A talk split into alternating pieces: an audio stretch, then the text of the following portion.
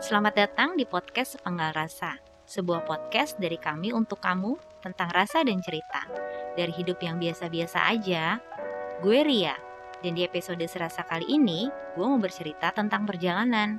Bukan perjalanan healing atau traveling layaknya sultan-sultan di Instagram, tapi perjalanan antar kota antar provinsi. Layaknya bus akap yang gue naikin tiap hari. Begini ceritanya. Jadi, gue itu sehari-hari baca Senin sampai Jumat ya, beraktivitas di daerah yang dipimpin oleh Pak Anies Baswedan. Tapi, tempat tinggal di KTP gue masuk ke wilayahnya Kang Emil. Bukan, bukan Kang Emil yang jualan seblak di pengkolan, tapi Bapak Ridwan Kamil, gubernurnya Jawa Barat. Oke, kita mulai masuk ke pembukaan dan prolognya ya.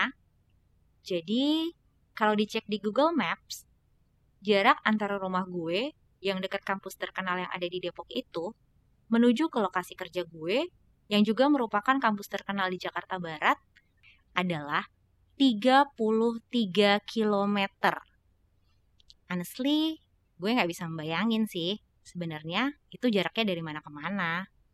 Tapi, yang jelas, perjalanan itu membutuhkan perjalanan yang panjang dan lama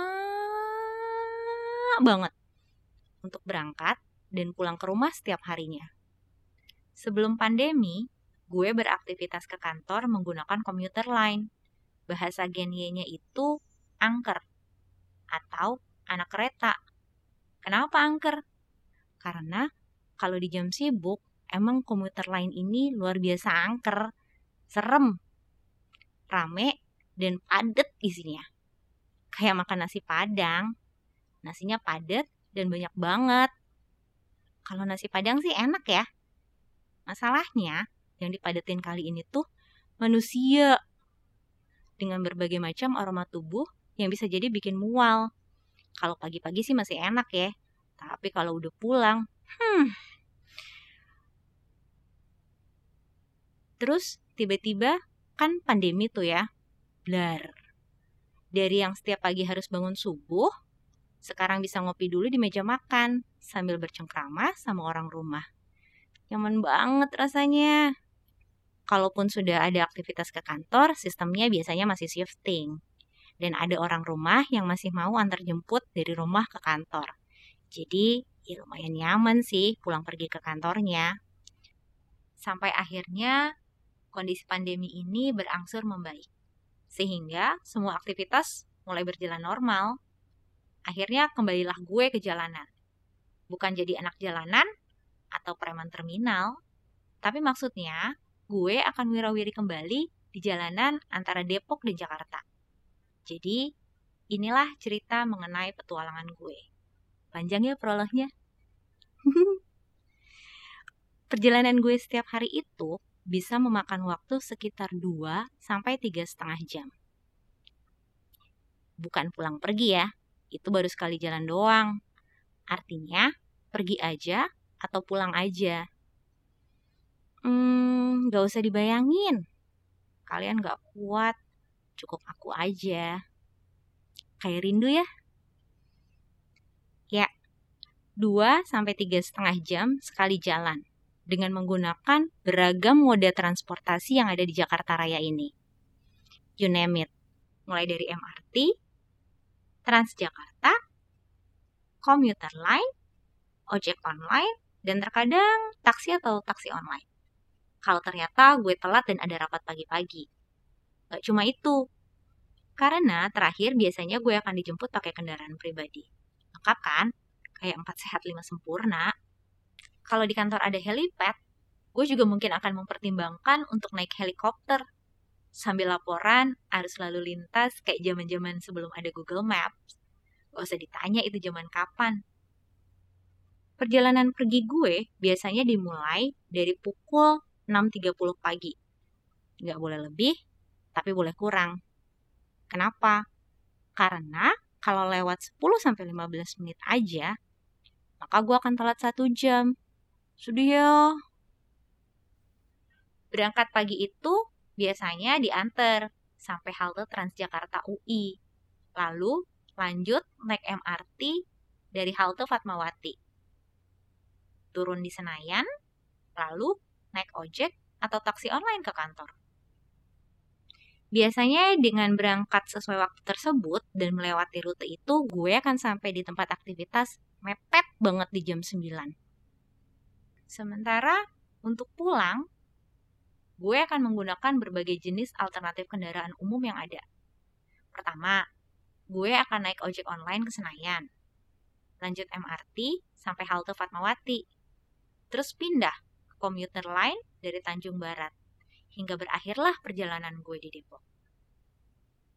Kira-kira bisa dibayangin nggak? Dengerin ceritanya aja udah capek ya? Gimana harus ngejalaninnya? Tapi makin lama gue makin merasa terbiasa dengan kenyataan ini. Kenyataan bahwa memang rumah gue jauh dari tempat aktivitas. Gak jarang orang berkomentar, kenapa gak pindah aja? Gak sesimpel itu, Ferguso.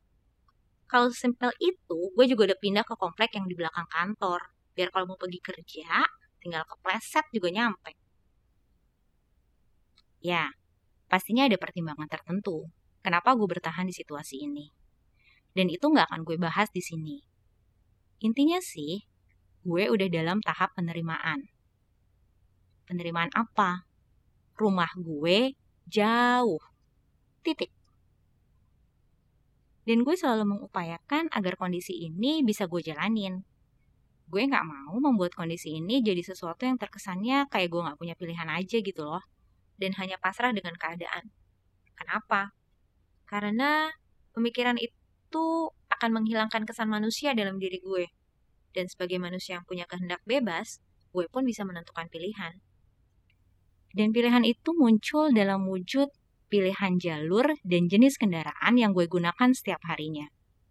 Dari kondisi dan perjalanan ini, gue jadi punya cara untuk mengisi kekosongan waktu di perjalanan.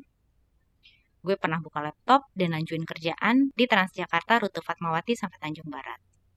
Bukan, bukan karena workaholic, tapi ya karena bosan aja diam terus di bis. Atau gue juga suka memperhatikan gaya fashion dari para pekerja dan penghuni MRT yang beda dengan para pekerja yang naik komuter lain. Atau ya kalau mentok, lumayan dapat tambahan waktu untuk tidur sejenak. Selain itu, gue juga jadi kreatif dengan mencari jalan-jalan alternatif dengan berbagai pilihan mode transportasi. Biar gue nggak jenuh dengan perjalanan yang begitu-begitu aja.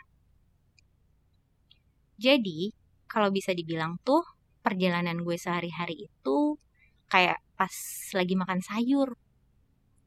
Gak semua gue suka, tapi gue tahu hal ini dibutuhkan sama tubuh gue.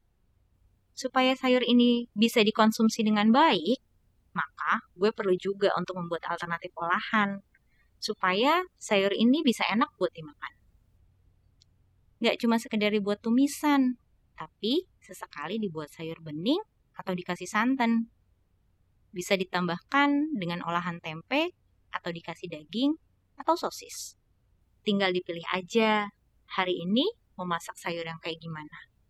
Karena pada akhirnya kita selalu punya pilihan. Terima kasih sudah mendengarkan episode Penggal Rasa kali ini. Cerita hari ini ditulis oleh Ria dan diedit oleh Hans. Jika kamu menikmati podcast ini, jangan lupa di-share ke teman-teman kamu ya, kamu juga bisa menghubungi kami di Linktree yang ada di bio Instagram at untuk memberikan ide, cerita, kritik, saran, atau jika ingin sekedar say hello ke kami. Segitu aja cerita hari ini. See you later on the next episode.